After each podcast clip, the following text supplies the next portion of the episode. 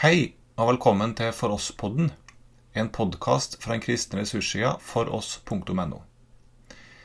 Denne episoden er opptak fra bibelkurs på Fjellheim kurs- og misjonssenter fra mars 2020. Velkommen til denne timen her i Malakis bok. Mitt navn er Ingvald Kårbø, og nå er det første gang jeg ønsker velkommen uten å egentlig være en som kan ønske velkommen. Jeg har jo arbeidet her i ni og et halvt år, men har nå flytta sørover. Men jeg er veldig glad for at jeg får komme nordover denne uka her og være sammen med dere på, på kortkurs. Det emnet som jeg skal forsøke å si litt om denne uka, det er Malakis bok. Denne første timen kommer til å være en innledningstime. Det vil si at Vi kommer ikke til å gå så nøye inn i selve teksten akkurat nå. Men før vi skal gå inn i teksten, så må vi ha et bakteppe. Vi må forstå noe av hvem Malaki er. Vi må forstå noe av hva tid han taler inn i. Og vi må forstå noen av de tilknytningspunktene som Malakis bok òg har inn i vår tid. Så før vi fortsetter på de sporene, så skal vi be i lag. Far, du som er den sanne Gud, fra evighet og til evighet.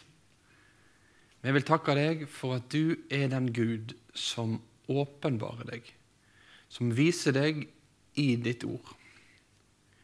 Og Nå ber vi om at du ved din ånd i løpet av denne timen og disse timene i Malakis bok òg må få vise deg for oss gjennom disse tekstene. Takk at du har gitt oss hele Bibelen, alle de 66 bøkene, og alle de uutgrunnelige kildene vi har her til å lære mer om deg, om din vilje og om ditt kall til oss. Far, vi ber deg om konsentrasjon, og vi ber deg om en klar tanke for meg òg, til at jeg kan få legge dette fram sånn at det er forståelig og mulig å fatte. I ditt gode navn ber vi om det, Jesus. Amen. I vår bibel så står Malakis bok som den siste boka i Gamle testamentet. Eh, hvis du går i jødisk, en jødisk bibel, et jødisk Gammeltestamentet, så har de en annen skriftinndeling. Der avslutter faktisk Bibelen med krønikebøkene. og De har en annen oppbygging på det. Men i vår bibel så er Malaki det, er det siste punktumet før vi kommer til Nytestamentet. Eller jeg vil vel faktisk ikke si at det er det siste punktumet. Det er det siste kommet før vi kommer til Nytestamentet. For som vi skal se i løpet av denne uka, så er det ei bok som så til de grader bygger opp mot at noe mer må komme. Noe mer må skje. Fullendelsen har ennå ikke nådd fram til sitt mål. Så Malakis bok avslutter hele Bibelen med et stort komma. Punktumet. Han som er ja, han som er amen, han som er den som hele Gamle testamentet har peka fram imot. Han kommer ikke i Malakis bok heller. Men det er en tråd som vi nå ser at begynner å nærme seg målet. Tampen brenner. Men vi må ha med oss litt av bakgrunnshistorien. Og På et bibelkurs så er det sånn at de som er her, de, mange av dere har sikkert lest en del i Gamle Testamentet, kan Bibel så god og har hatt det på skole og jeg vet ikke hva. Men det er nyttig likevel at vi børster litt støv av disse gamle hjernecellene for å ta oss med inn i Det gamle testamentets historie. Bibelen begynner med 11 første kapitlene, der hele menneskeslektet er i fokus. Gud han skapte mennesket i sitt bilde, til mann og kvinne, for å leve i fellesskap med Han og med hverandre. Så kommer syndefallet i første Mosebok kapittel 3. Allerede på syndefallets dag så kommer Gud med sitt løfte om at kvinnens ett skal knuse slangens hode. Det skal komme en frelser som skal ta et oppgjør med djevelen, med ondskapen, med alt det onde i verden. Det skal bli en slutt på det forferdelige. Og så følger de neste kapitlene. Vi leser om Kain og vi leser om Abel. og Det ser ut som at allerede her har, har Eva hatt en viss forventning om at kanskje det er nå, når jeg får min nye sønn etter at Kain drepte Abel, når jeg får sønnen min sett, kanskje det er han som er denne redningsmannen. Men det er ikke han heller. Og Så fortsetter historien. Og Så kommer vi til Noas tid. Og Vi ser hvordan ondskapen bare vokser mer og mer og mer i verden. Og Gud sender syndefloden over verden. for å sette en stopper for all den ondskapen som var. Noah og hans familie overlever. Kanskje nå det kan bli bedre. Kanskje nå redningen kan komme. Men det går ikke lang tid før folkene begynner å snakke om at vi må bygge oss et navn for oss sjøl. Så vi skal bygge et stort tårn i Babel. Og så kommer Babelstårnet og blir bygd, og Gud forviller språket til menneskene. De første elleve kapitlene i Bibelen begynner med et universelt blikk. Med en Gud som har skapt verden, og som har sagt at han òg vil gripe inn for å frelse verden. Men en verden som i kapittel etter kapittel og i tusen år etter tusen år fornekter han. Så er det en mann som heter Abraham. En som opprinnelig kom fra Ur i Kaldea, som Gud kaller. Og Gud han sier til Abraham at han og hans ett den skal bli stor, den skal bli tallrik som stjernene på himmelen eller som sandkornene på stranda. Han skal få et land. Men det aller største er at det blir sagt til han, Abraham, i deg så skal alle jordens folkeslag velsignes. Og nå begynner innzoomingen i Bibelen. Nå begynner vi å få se på Abrahams slekt og hans etterkommere. Gud han skal gjøre noe i denne slekta her for å redde mennesket. Og så får Abraham sin sønn Isak. Og så får Isak sine to sønner, Jakob og Esau. Esau var den som kom først ut, selv om de var tvillinger. eller Det var jo litt sånn kjemping på hvem som kom først ut og sist ut. Da kan de lese litt mer om i historien der. Men luringen Jakob var jo i utgangspunktet ikke han som hadde førstefødselsretten. Men Gud hadde sagt at det var han som skulle være arvingen. Og sånn ble det. Det ble sånn at Til slutt så, så fikk Jakob førstefødselsretten av far sin. Han ble arvingen, og han ble også arvingen til dette løftet. At Jakobs slekt skulle være den slekte som velsignelsen skulle strømme ut ifra. Guds løfte blir nok knytta til Jakob sine etterkommere, og ikke Esau sine etterkommere. Men så får Jakob sine tolv sønner. Og Historien forteller oss om at en av dem han blir de andre så irritert på og misunnelig på at de bestemmer seg for å selge han til slave til Egypt. De ville det til ondt, men Gud ville det til godt. For denne mannen her, Josef, han kom til å bli israelsfolkets redning. I møte med hungersnøden som senere kom til å komme i landet, ja, så var det sånn at Gud han brukte da Josef for å berge Jakobs ett den etter han hadde gitt sitt løfte om at frelseren skulle komme ifra. Så hele folket havna nå i Egypt. Og da var de i generasjon etter generasjon etter generasjon. Josefs navn ble huska, men så ble etter hvert Josefs navn glemt. Og livsvilkårene til jødene, israelittene, ble endra. Det var et slavefolk. Et slavefolk prega av en håpløs tilværelse. En tilværelse der de ikke hadde noe pensjon å se fram imot. Ikke hadde noe ferie å se fram imot. Ikke hadde noe bibelkursveke de kunne reise på. Nei, det var arbeid. Veka ut, veka inn. Ifra vogga til grav. Arbeidsbøra ble større og større og større og folket begynner å rope til Gud. Og midt i all deres rop så har Gud allerede begynt i det stille å handle. For det var en liten gutt som en gang hadde blitt satt ut i ei korg på Nilen. Og Denne gutten her, ja, han hadde jo blitt tatt hjem til faraos familie og faraos datter og blitt oppdratt ved hoffet. Han hadde en bevissthet hele veien om at han var en jøde. Så en dag når han ble voksen og så at en av hans landsmenn ble slått, herja med, så reagerte han så kraftig at han tok livet av den egypteren som gjorde det. Og Dette ble avslørt, og mannen måtte flykte ut i ørkenen og var sauegjeter i 40 år. Veka ut og veka inn gikk han der. Det var sand, sand, sand, sand. Men en dag var det en brennende busk. En dag var det en busk som han måtte gå bort og se til. Og Moses møter Herren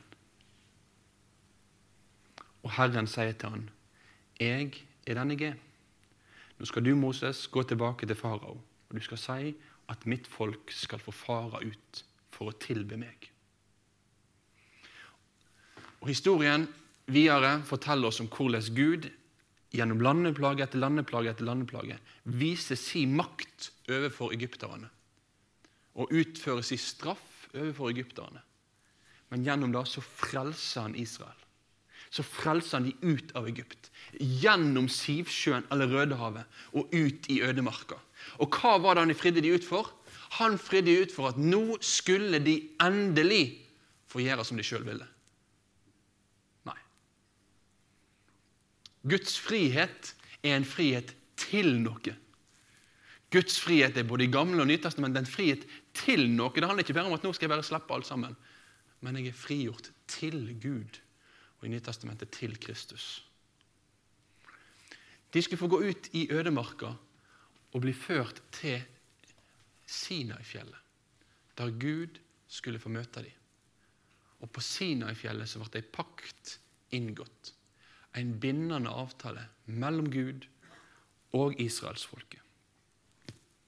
Gud hadde allerede gitt sine løftepakter, der han helt klart og helt tydelig har sagt at 'jeg skal gjøre sånn'. Punktum.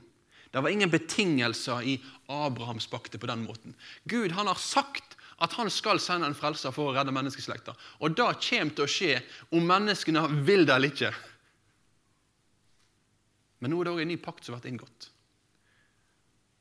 Og Denne pakten er en pakt som da skal forbinde Guds folk og Gud sammen.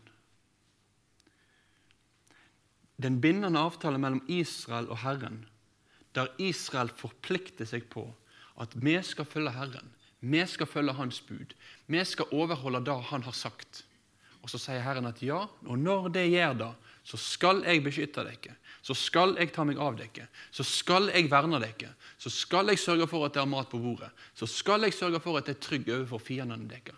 Da skal jeg være dere Herre, Gud, beskytter og frelser. Og Den pakta her er veldig viktig at vi har med oss i bakhodet når vi etter hvert kommer til Malakis bok.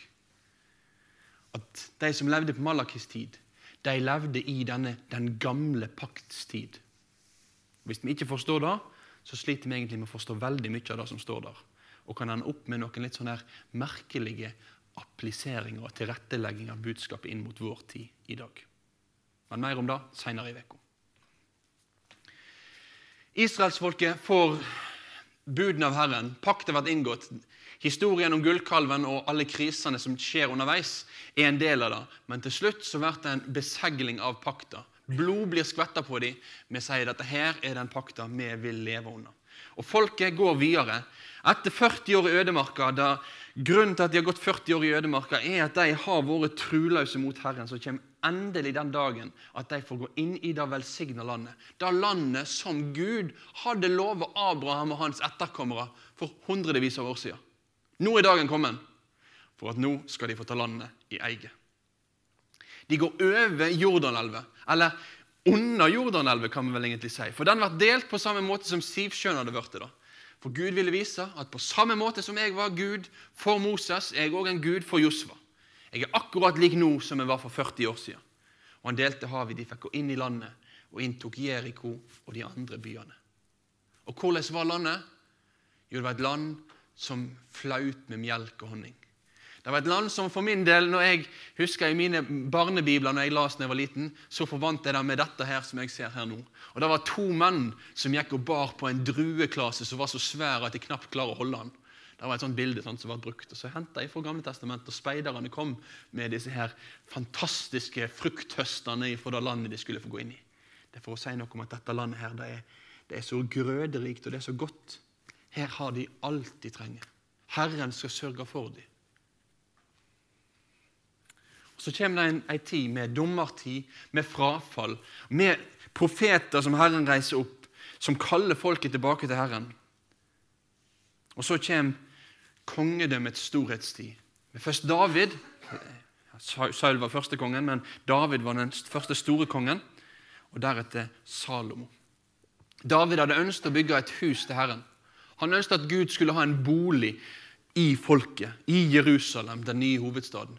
Men det fikk han ikke bygge, for Herren sier til David nei, du har blod på hendene dine. Det er noen andre som skal bygge denne. Det er ikke du, David, som skal bygge et hus for meg.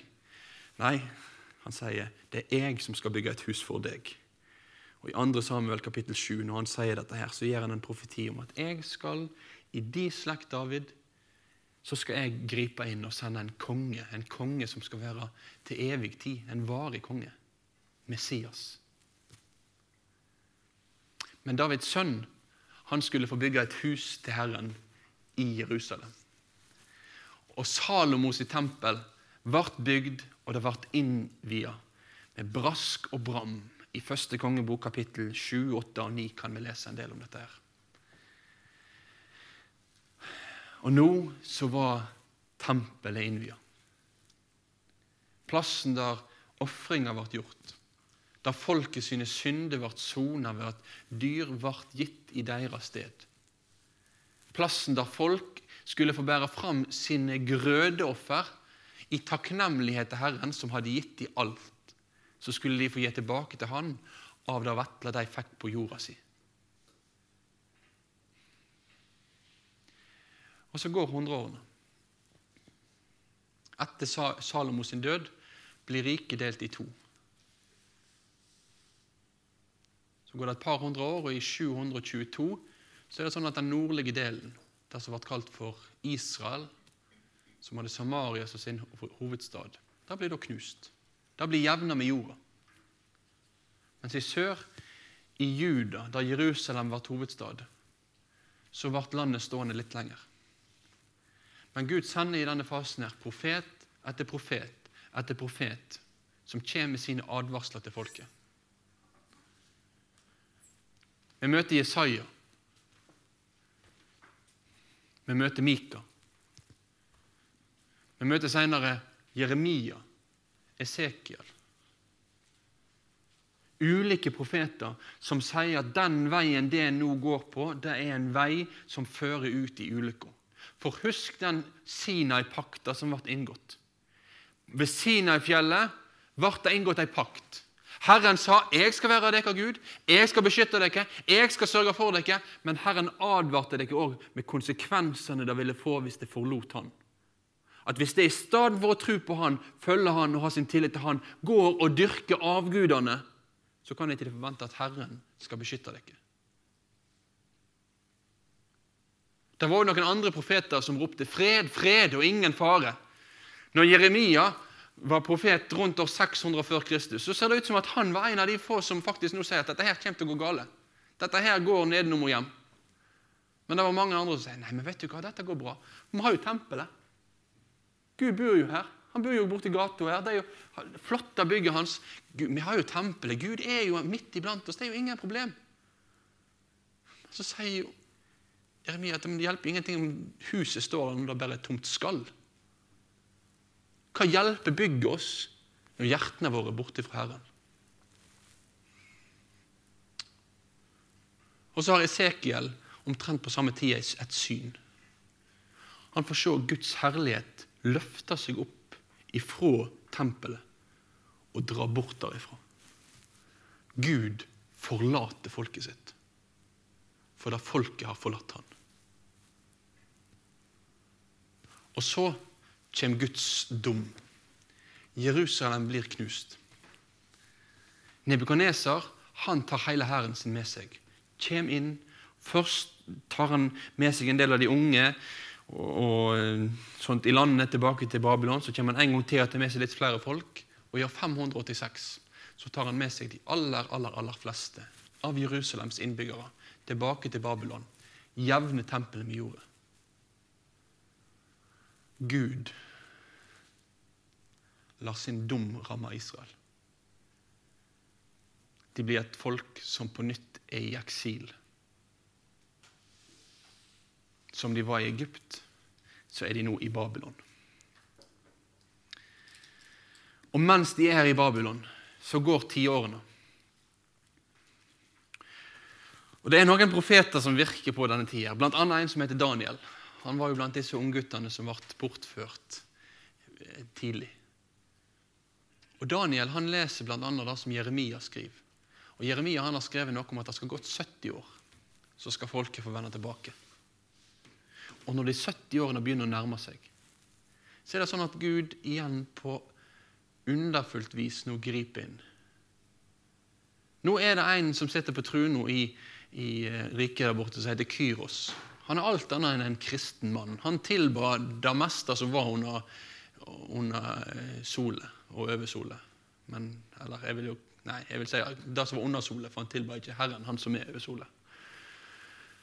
Men Gud legger hånd på hjertet at nå skal du la dette folket her reise tilbake. Og Kyros sender folket tilbake. Og De får reise tilbake til landet og begynner å bygge opp igjen tempelet. Det er to personer, En som heter Josva en som heter Serubabel, som er noen av disse hoveddrivkreftene i dette gjenoppbyggingsarbeidet. Og Med seg har de et par profeter. De har En som heter Haggai, og de har en som heter Zakaria. Og Disse fire her, de kommer nå tilbake sammen med resten av folket og, og, og maner folk til at nå skal vi få bygge opp igjen Herrens hus. Og Det ser ut som at dette her er ei vekkelsestid i Israel. Haggai han skriver en del til israelittene om at er, når de kom tilbake, så begynte de først å møte litt motstand. Og Da ser det ut som at de begynner å trekke seg tilbake. De blir ikke så opptatt lenger av hva Herren ville de skulle gjøre, og så blir de mer opptatt av å bygge sine egne hus. Men så snur Haggai det på hodet og sier nei, men de skal bygge Herrens hus. Og så får Haggai og Zakaria være redskap til en vekkelse i Israel, der folk tar et oppgjør med synd i livet sitt og på nytt begynner å rope til Herren. Og i år 516, akkurat 70 år etter at israelsfolket ble utført fra Jerusalem, så står tempelet klart, og så blir det innviet på nytt. Det er jubel i folket, det er glede i folket. Tenk, endelig, endelig så er tempelet bygd på nytt. Tempelet der synda vår får vært sona. Tempelet der vi kan få bære fram vår takk til Herren. Nå er det restaurert. Det er et folk som har blitt fornya i sitt forhold til Herren. I alle fall de unge. da. De gamle ser ut til å være mest opptatt av at det gamle tempelet var noe finere enn det som vi har her nå. Men det er en vekkelsestid. Men hva skjer så? Og Det er da vi kommer inn imot den tida som er Malakis tid. Malaki han blir ikke tidfesta som veldig mange andre profeter. Hvis vi leser Jesaja kapittel 1, så står det at Jesaja han var profet i den tida når han og han og han og han var konge. Men de aller, aller fleste vil være enige om at Malaki han var profet i Israel på 400-tallet før Kristus. Det er noen generasjoner etter tilbakekomsten. Det har gått litt tid siden den store fornyelsen var. Da gudsdyrkelsen i folket blomstrer opp på nytt igjen. Det har gått noen generasjoner. De som var unge den dagen, hadde nå begynt å bli gamle. Og nye generasjoner hadde vokst fram. Og Jeg har en overskrift på dette, her, og det er egentlig en overskrift som for meg sier noe om Malakis bok i sin helhet òg. Vekkelsens barnebarn. For i Malakis bok så møter vi vekkelsens barnebarn. Vi møter generasjonen etter, eller to generasjoner etter, at det hadde vært en rik åndelig fornyelse i folket. Der det virkelig hadde, hadde skjedd ting. Mange mennesker hadde på nytt fått øynene opp for livets alvor og hvem Gud var.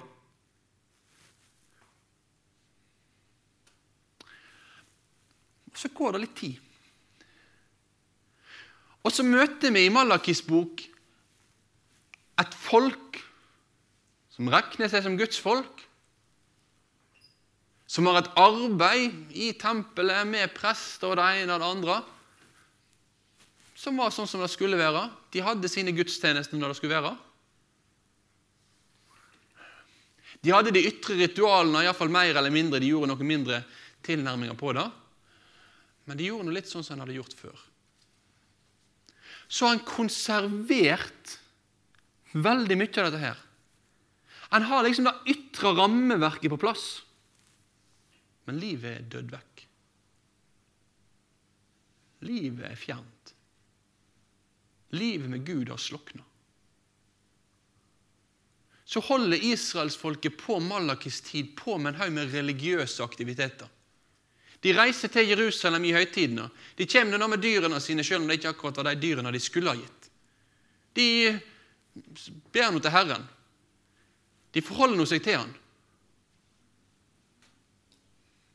Men hjertene deres de er langt vekk ifra Herren.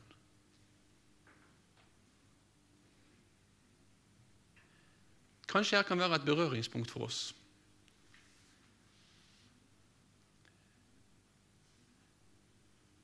Jeg tror at Når vi ser gjennom historien og gjennom Gamle Testamentet, så ser vi at dette er et tilbakevendende fenomen.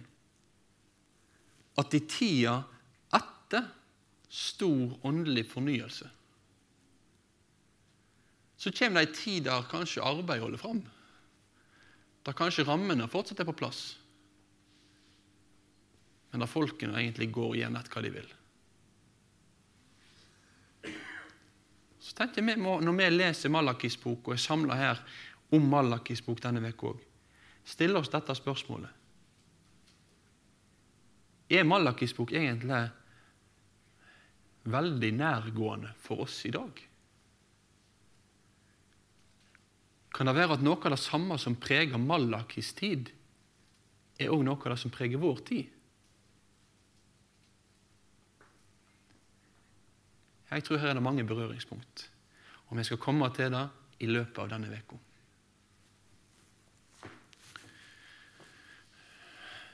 Men Malakis tid ble ei tid for en materiell og for en åndelig gjenoppbyggelse. Det er jo to andre personer som er virksomme på denne tida. Noen mener at Malaki var litt før de, noen mener at Malaki var samtidig som de, og noen mener at Malaki var litt etterpå. Men de to andre er da Esra og Nehemja. Vi kan lese om deres virke i Esras bok og i Nehemjas bok. Men det blir her nå ei tid for en ny materiell og åndelig gjenoppbyggelse. Gud sender nå sin budbærer fordi han vil at det folket som fortsatt regner seg som hans folk, det folket som fortsatt har Guds tempel midt iblant seg, at det er òg et folk som med sine liv skal få vende seg tilbake til Gud. Vekkelsens barnebarn ble òg vekt gjennom Malaki sitt virke.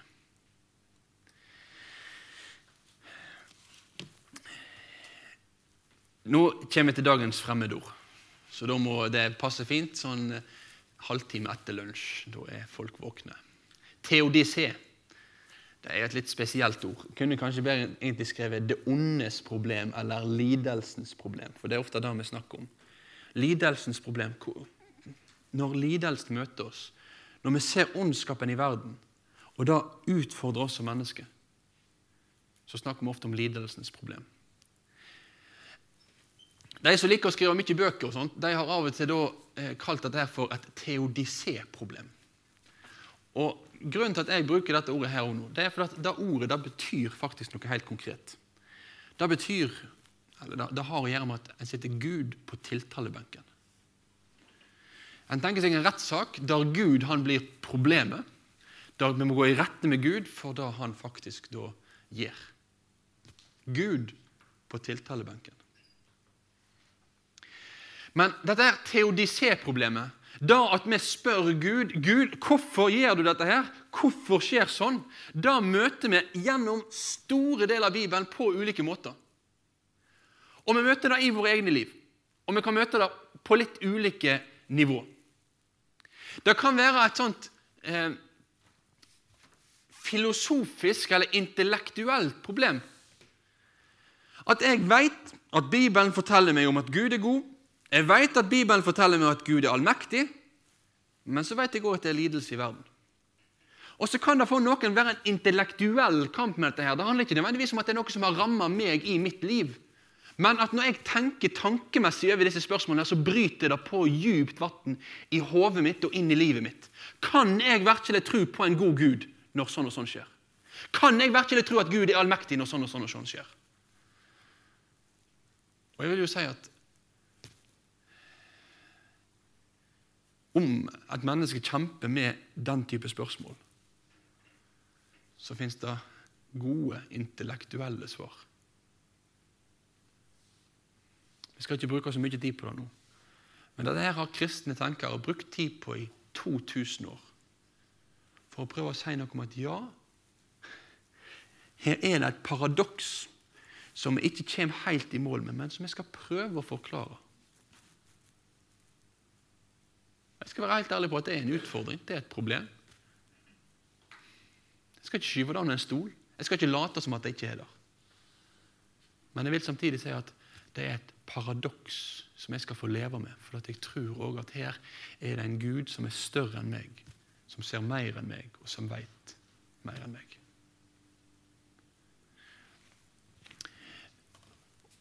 Jeg mener at Dette her er noe som det i aller høyeste grad må være rom for. Dette må det være rom for i den kristne kirke. På en bibelskole sånn som her, f.eks. Folk må få komme med sine ærlige, direkte, usminka spørsmål. Det er bedre om noen stiller dette spørsmålet til deg, enn at de bare går rundt og tenker på det i stillhet og ikke tør å nevne det. Hvis de stiller det, så kanskje kan en prøve å hjelpe hverandre et stykke på vei. Så er det neste. Det er det eksistensielle eller sjelesørgeriske. Hvorfor meg, Herre? For jeg kan gi deg en bok på 200 sider som forklarer i detalj hvordan en kan tilrettelegge dette med Guds godhet, Guds allmakt og menneskelig lidelse. Du kan lese deg grønn på det, men livet kan være like forferdelig når du er ferdig likevel. For hva hjelper nå da at jeg har det rette svaret med to strek under, når jeg står her midt oppi det som jeg gjør akkurat nå? Og jeg vil jo si at Når vi leser i Bibelen, så ser vi ei bok full av denne eksistensielle smerten. Vi møter det i salmene. Vi møter det i Jobbs bok. Vi møter det hos profeten Habakuk. Vi møter det rundt omkring på ulike plasser der mennesker faktisk syns at det er ufattelig vanskelig å forstå og forholde seg til Guds handlinger eller mangelen på Guds handlinger i eget liv eller i andre sine liv. Og Dette er det òg viktig at det er rom for. Vi må kunne snakke ærlig om det at livet med Herren det er en dans på roser. Men hvis du prøver å danse på roser, så merker du at det er mange torner i de rosene. Jeg tror ikke det er så godt. Det stikker mye. Og Sånn er jo livet med Herren. Det kan stikke. Og det kan oppleves som at stikkene er veldig urettferdige. Men grunnen til at jeg tar med dette her nå, det er at jeg mener at i Bibelen finner vi òg en tredje variant der en sitter Gud på tiltalebenken. Og den er vi ikke så vant til å snakke om. Den er vi kanskje ikke så vant til å ta opp. Han kommer litt på sida av de to andre. Men jeg mener egentlig ikke det noe av det som ligger under overflata i Malakis bok. Og det er en bitter tilnærming. Der det egentlig går ut på at jeg sier at Gud han gjør en dårlig jobb og bør skjerpe seg. Jeg er misfornøyd med Gud. Gud, du må ta deg sammen.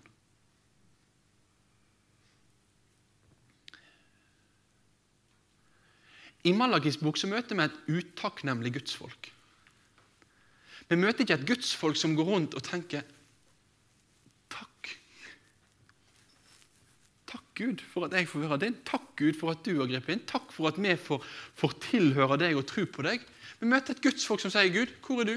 Gud, nå må du skjerpe deg. Hvis du virkelig er sånn som du sier du er Gud, hvorfor går det sånn som det går med oss, da? Det er en litt sånn ovenfra og ned-holdning overfor Gud. Det er ikke et fortvila sukk der du, du liksom sier 'Gud, hvorfor skjer dette her når du sier du sånn du er?' Men det er mer der jeg står og ser ned på Gud og sier 'Nå må du virkelig ta deg sammen her, Gud'. Og Det er egentlig den holdningen som preger folket i Malakis bok. Men som Gud nå fra starten av boken snur på hodet. For han snur dette her opp ned. Malakis bok er som en rettssak der alt blir snudd. I utgangspunktet ser det ut som at folket har tenkt at Gud er på tiltalebenken vår. Men så snur Malaki der på hodet. Det er folket som er på Guds tiltalebenk. Det er folket som har noe som de er nødt til å ta på alvor. Det er et problem i Israel. Og det problemet må bli tatt på alvor.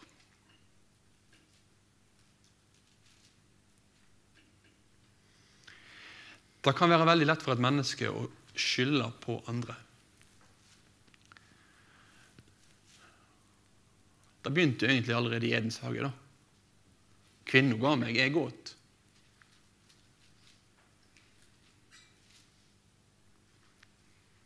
Som menneske så kan jeg så lett forsvare meg gjennom bare å skylde på alle andre, og òg skylde på Gud.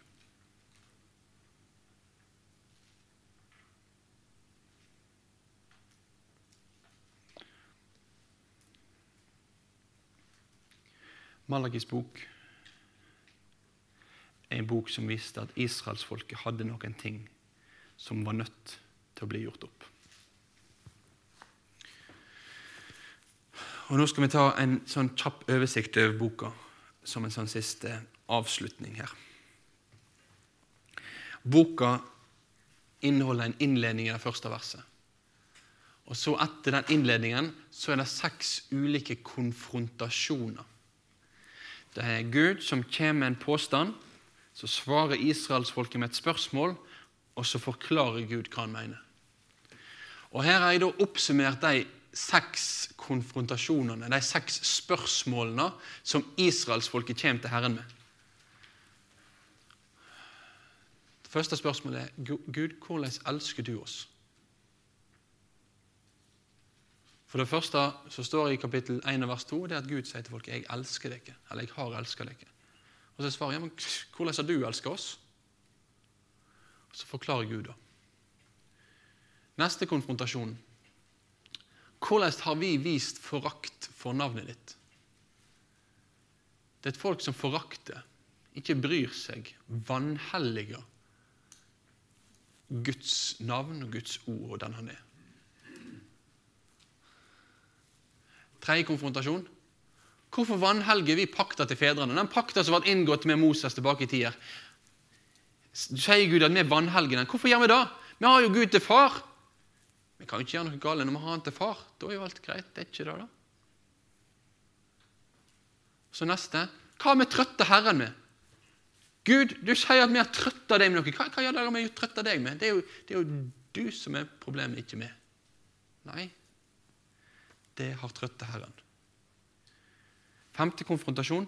Hvordan kan vi vende tilbake til Gud? Og sjette konfrontasjon. Hva har vi sagt mot deg? Og Så avslutter Malakis bok i kapittel 4, vers 4-6 med en avsluttende formaning. Så dette er kommer til å være strukturen for de neste timene. I kveld begynner vi med kapittel 1, vers 2-5. Og Så fortsetter vi da utover i løpet av veka.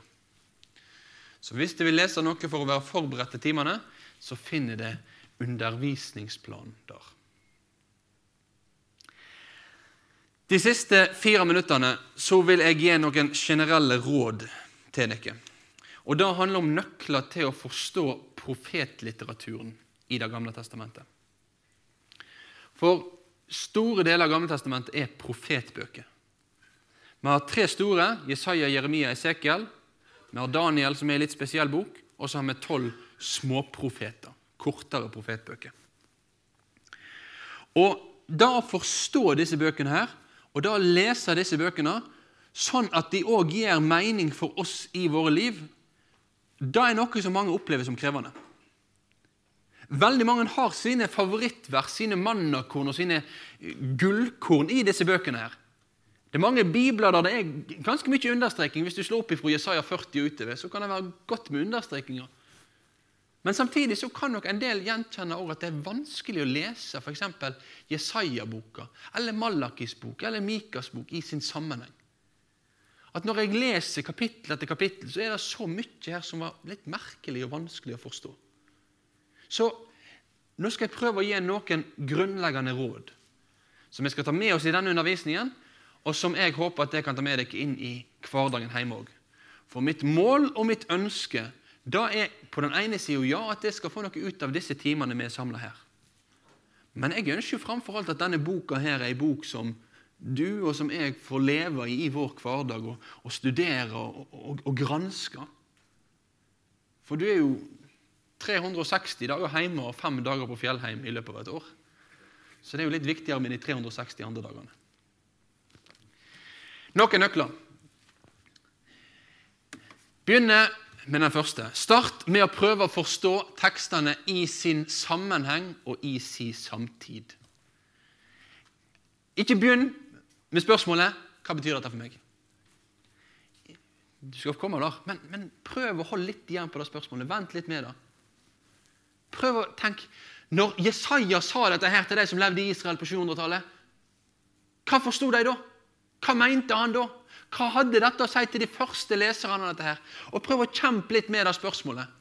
Og så kan du tenke, men hallo, Jeg vet jo ikke hva en jøde tenkte for 2700 år siden. Hvordan kan jeg vite noe om det? Og jeg skal være helt ærlig på at Det kan vi ikke vite. Men vi kan prøve å trenge litt nærmere. Og Bibelen kan gi oss et rammeverk til å forstå dette. her. Vi må for det første forstå at når profetbøker blir skrevet i Gamle Testamentet, så blir de skrevet med én basis, og det er Moseloven. Så når da Malaki her kommer,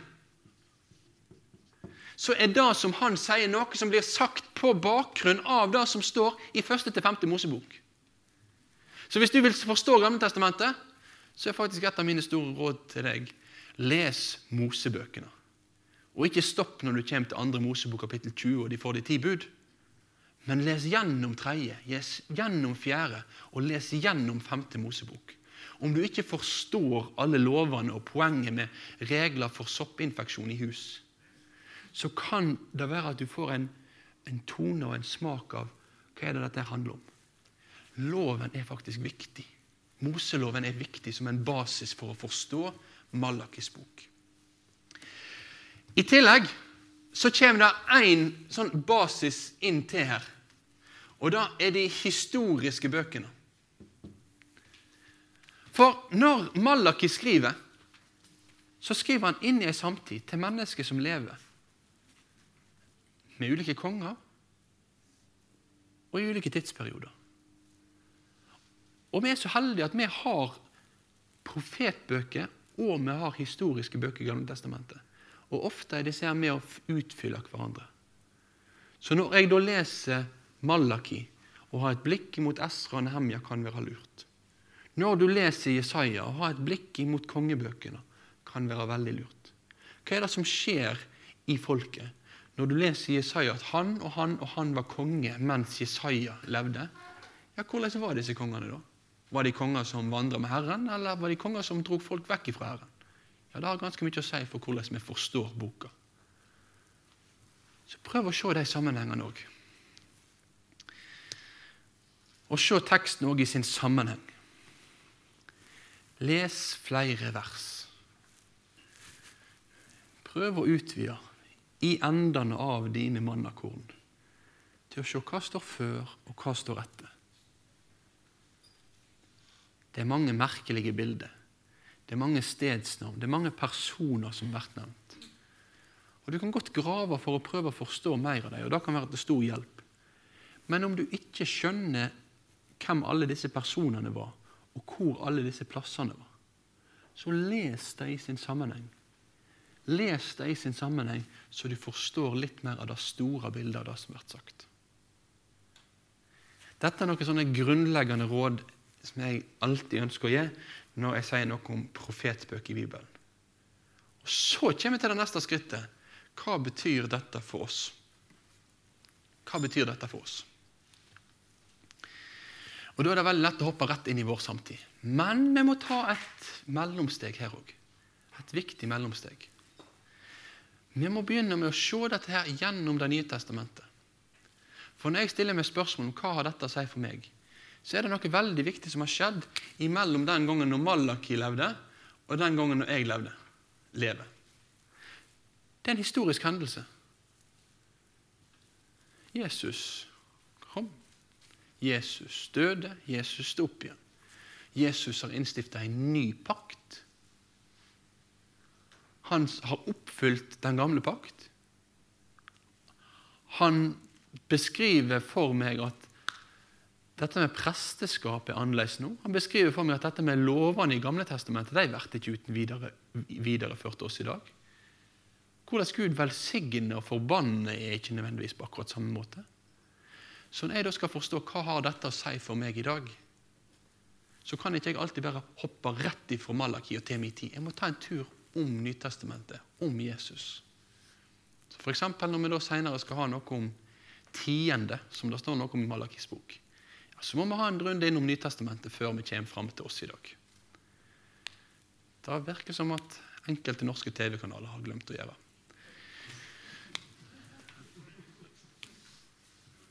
Og så til slutt Se det inn i vår tid. Hvordan er dette aktuelt for vår hverdag og vårt liv?